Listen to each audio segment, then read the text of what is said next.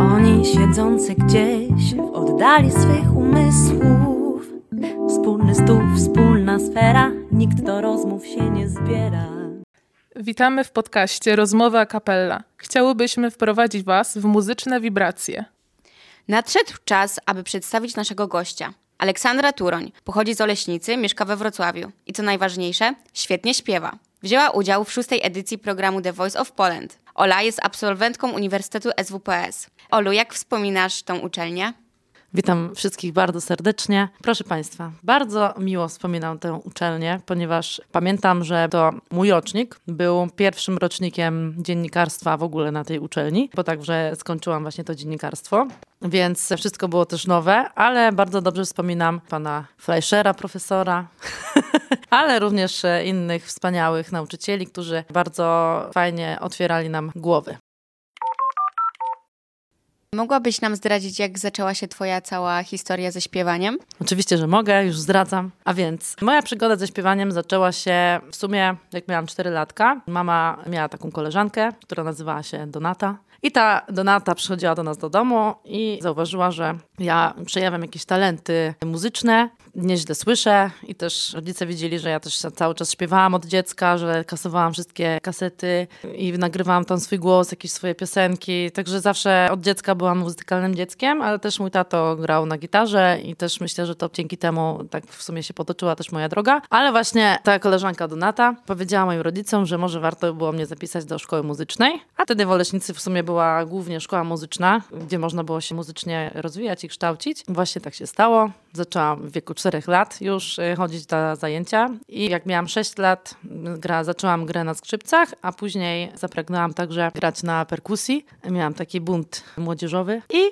tak też się stało. Ale śpiewanie zawsze było mi bliskie i zawsze śpiewałam, ale dopiero zaczęłam się śpiewu uczyć, jak poszłam na studia. Czym się teraz zajmujesz? Czy jest to powiązane z muzyką? Oczywiście, że tak. Nie było to łatwe, żeby zajmować się muzyką i z tego żyć, ale udało mi się to i taki też miałam w sumie zawsze cel. Studiowałam sobie to dziennikarstwo, w międzyczasie sobie pracowałam też jako barmanka, także nawet miałam epizod, że pracowałam w salonie fryzjerskim. Wieczorami zawsze gdzieś tam sobie grywałam. To nie było takie łatwe w sumie, żeby zacząć żyć z muzyki, ale na szczęście udało mi się jakoś to pogodzić, ponieważ oprócz tych koncertów, które zaczynałam grać coraz więcej, też udało mi się założyć szkołę muzyczną, swoją autorską w Oleśnicy. I tym się teraz zajmuję oraz śpiewam także koncerty. A dlaczego akurat taki pomysł, żeby założyć ją w Oleśnicy? Ja nie miałam tutaj takich możliwości, a bardzo marzyłam kiedyś jako dziecko, żeby nauczyć się tego śpiewu, ale niestety no, w Oleśnicy nie było nikogo takiego, kto mógłby mi w tym pomóc, a wtedy też nie było jakiejś takiej bardzo możliwości, żeby rodzice ze mną jeździli ciągle do Wrocławia, bo były też jakieś tam inne czasy, więc myślę, że z takiej właśnie misji i wiedziałam też, że tutaj nie ma takiego miejsca, na pewno odkryję tutaj wiele fajnych muzycznych talentów. A miałaś jakiś plan B, w razie czego gdyby coś nie wyszło z tą muzyką? Dopiero mogłam postawić na jedną kartę właśnie po programie The Voice, kiedy sama zrozumiałam, że może to jest moja fajna droga. Wcześniej tak troszeczkę nie do końca w to wierzyłam, więc jakby podejmowałam różnego rodzaju prace. Wiadomo, że gdzieś tam sobie śpiewałam obok, ale troszeczkę bałam się podjąć te kroki, żeby naprawdę robić tylko to. Wiadomo, trzeba mieć za to zapłacić rachunki. Powiem Państwu tak, jeżeli się bardzo czegoś chce, to warto za tym po prostu iść. Skąd wziął się ogólnie pomysł na wzięcie udziału w The Voice of Poland? Ja miałam taki plan już długo, żeby akurat w tym programie wziąć udział. Brałam też udział wcześniej, był taki program X Factor, ale niestety nam się nie udało przejść dalej. I później właśnie był ten The Voice i bardzo mi się podobał ten program, a szczególnie ta jego formuła, że nie trzeba było wyglądem pracować i liczył się w sumie tylko ten głos. I też podobało mi się to, że byli tam bardzo fajni wokaliści, którzy się dostawali do tego programu, fajnie śpiewali. I ja też w sumie jeździłam na te castingi, bo dopiero za trzecim razem się dostałam. Także po prostu dążyłam do swoich celów i stąd ten pomysł, że po prostu chciałam w tym programie wziąć udział. A może zdradziłabyś, jak wyglądają kulisy powstawania programu?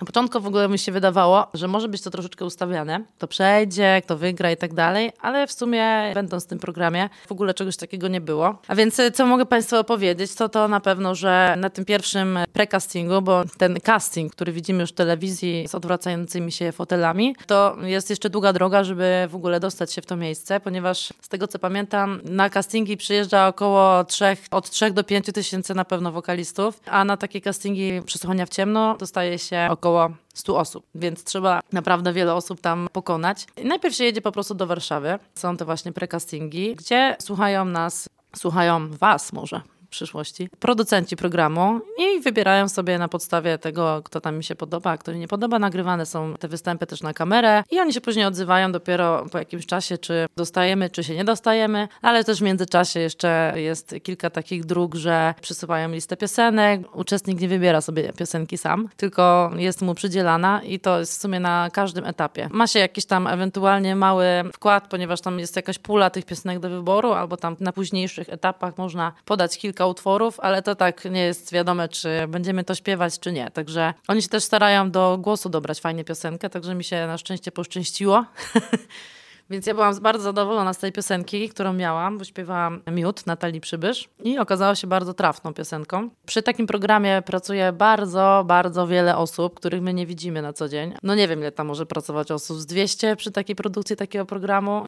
Z przesłuchań w ciemno wiemy, że wybrałaś Marysię Sadowską jako swoją trenerkę. Dlaczego akurat taki był twój wybór? Miałam dość fajny wybór trenerów, ale jakoś postawiłam na nią, bo najbardziej ona mi się wydawała zbliżona do mnie energetycznie. Też fajnie śpiewa i ma też ciekawe utwory. I myślałam po prostu, że fajnie się z nią. I w sumie tak było. Też właśnie Marysia była taką osobą, która bardzo nas tam wspierała. Zaprosiła też nas do swojego domu tak prywatnie, tych wszystkich uczestników już tych bitew. Spędziliśmy z nią bardzo miło czas i także poznaliśmy jej menadżera, który też nam opowiadał bardzo dużo o takim biznesie muzycznym. Poznaliśmy nawet jej dzieci dzieci, mieliśmy warsztaty z nią i z jej rodzicami, bo to są też muzycy. Także to był taki bardzo fajny czas, taki dość nawet prywatny, bym powiedziała. I też Marysia była taka bardzo otwarta. Wiemy, że często występujesz publicznie, koncertujesz, jak już wspomniałaś. Czy masz nadal tremę przy występach? Jakie masz na nią sposoby? Oczywiście, że mam. Tremy nie da się po prostu pozbyć trema zawsze z nami będzie, tylko po prostu sposób, który my sobie z nią radzimy. Myślę, że to jest klucz odpowiedzi na to pytanie, ponieważ wiadomo, jak na przykład ktoś ma jakieś pierwsze występy swoje, to jest najtrudniej ale już się ma tych występów więcej i więcej i się to praktykuje, to ta trema coraz bardziej ustępuje. Nie jest już wcale taka później straszna. I w tym momencie mogę powiedzieć, że moja trema jest bardziej mobilizująca niż taka stresująca, ale pamiętam swoje jakieś pierwsze, większe występy, to po prostu była masakra, bo pamiętam, że no, w nocy też spać nie mogłam, jak już na przykład mi zależało na jakimś występie, bo już gdzieś tam zaczynałam we Wrocławiu gdzieś śpiewać czy coś, albo na przykład na jakieś konkursy i festiwale to ogólnie najbardziej mnie interesowało, bo to jednak jakaś presja oceny i tak dalej. No teraz mam tak, że trema mnie mobilizuje, ale się pojawia wtedy, kiedy na przykład mam jakiś nowy projekt, występuję z czymś na przykład pierwszy raz. No ale to jest tak, że jest pierwszy utwór, a później już jest fajnie, już mi się to zaczyna podobać, nie? może się urodziłam na tej scenie. A masz może jakieś sposoby, żeby sobie radzić z tą tremą? Po prostu głęboko oddychać.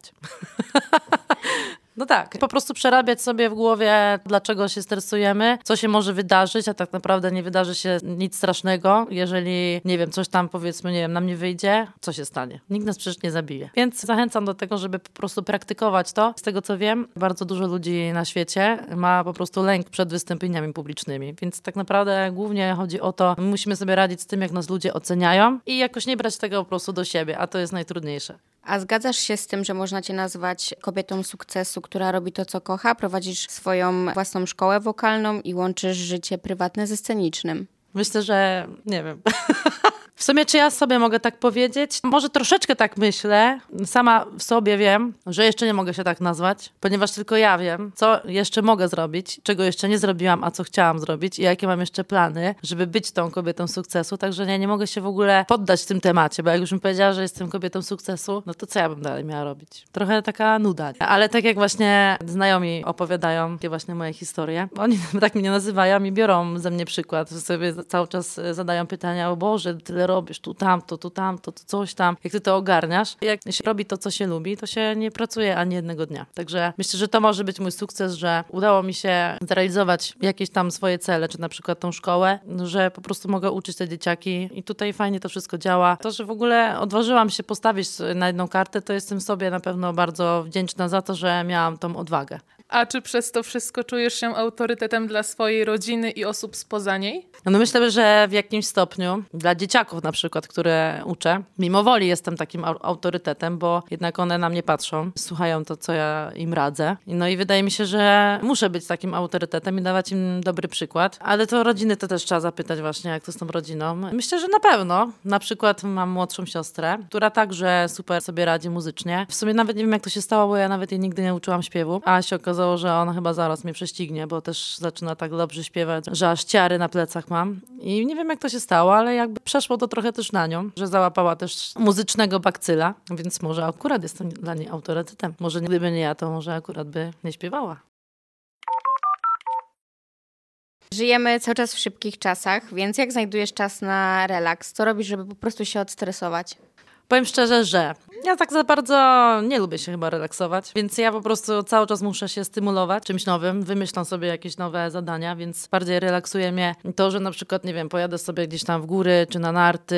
Teraz na przykład jestem na kursie nurkowania, za chwilę jadę do Egiptu kończyć ten kurs, także już jest jakaś kolejna aktywność. Czy ja tak po prostu lubię być aktywna i no nie lubię tak, nie wiem, siedzieć w domu. No, czasem wiadomo, jak jestem jakoś zmęczona, czy mój organizm już mówi, dobra, już się ogarnij, to lubię sobie poglądać jakiś tam serialik. Też uwielbiam po prostu rozmowy z przyjaciółmi. Fajne wyjście na kawkę, obiadek albo drineczka. A masz może jakieś zabawne wspomnienie z koncertu? No myślę, że na pewno mam bardzo wiele, ale to, co mi się teraz przypomina, to dwie kluczowe sytuacje, których chyba nie zapomnę nigdy. Pierwsza to była taka, zapomniałam po prostu tekstu, musiałam zaśpiewać na takiej gali dużej. Z tego, co pamiętam, to była gala dla siatkarzy Zaksy z Kędzierzyn-Koźle, czyli dość taka duża, poważna sytuacja. No i miałam do zaśpiewania piosenkę Ani Dąbrowskiej, którą ćwiczyłam przez cały tydzień, ale coś nie mogłam jej tak zapamiętać, nie wchodziła mi po prostu ta piosenka. No i w sumie ją umiałam, tak sobie myślałam, że ją Wychodzę na tą scenę, no i tak sobie przypomniałam tylko jeden wers, czy tam dwa. Musiałam zaśpiewać te dwa wersy do końca i zmyślać tekst swój, bo po prostu dostałam czarnej dziury na scenie. Nie byłam w stanie sobie tego przypomnieć, ale nikt się nie skapnął. Także później mówię znajomym schodząc do sceny, Boże, co ja tutaj zrobiłam? Dlaczego? Jak to w ogóle, dlaczego ja tutaj nie zaśpiewałam? Co? Nic nie słyszeliśmy. A druga sytuacja jest bardzo zabawna, ponieważ grałam sobie wtedy jeszcze w takim wrocławskim pubie. Przyszli Anglicy, tak jak oni lubią sobie przyjść takimi dużymi grupami, są też bardzo głośni i robią różne ciekawe, dziwne rzeczy, ale no chodzą sobie po tych wrocławskich pubach często. No i była sytuacja taka, że sobie śpiewam, no i nagle podchodzi do mnie pan, obraca się tyłem, i stwierdza, że po prostu se ściągnie spodnie. I pokazał mi swoją tylną część ciała. No i ja tak się zdziwiłam. nie mogłam w to uwierzyć, zaczęłam wołać ochronę. Oczywiście nikt mi nie pomógł, bo przecież Anglicy, no to wiadomo, super. Zostawiałem pieniądze i tak dalej. No ale pan sobie tam poszedł, ale generalnie byłam w takim szoku, że nie wiedziałam, co miałam zrobić. Także wokalistki muszą się czasem nawet na takie sytuacje właśnie uodparniać. Przygotowałyśmy jeszcze dla ciebie szybkie strzały. Jesteś gotowa? I am ready. Okej. Oleśnica czy Wrocław? Nie wiem, nie odpowiem na to pytanie. Wrocław. Kawa czy herbata? Kawa. Muzyka szybka czy wolna? Szybka. Książki czy filmy? Filmy, bo mam uczulenie na druk. Wanna czy prysznic? Prysznic. Fast food czy zdrowe jedzenie? Teraz zdrowe jedzenie. Wystąpienie w radiu czy w telewizji? To i to, ale powiem w telewizji. Smartfon czy cyberlove? Cyberlove. A na koniec przygotowałyśmy dla Państwa niespodziankę. No dobrze, zaśpiewam ten fragment mojej piosenki na żywo, proszę Państwa. Bawmy się razem, uwaga, śpiewamy. I raz, dwa, trzy. Raz w prawo, raz w lewo, na prawo, lewo, raz. To samotności strach. Raz w prawo, raz w lewo, na prawo, lewa, raz. Czekam na ten złoty traf.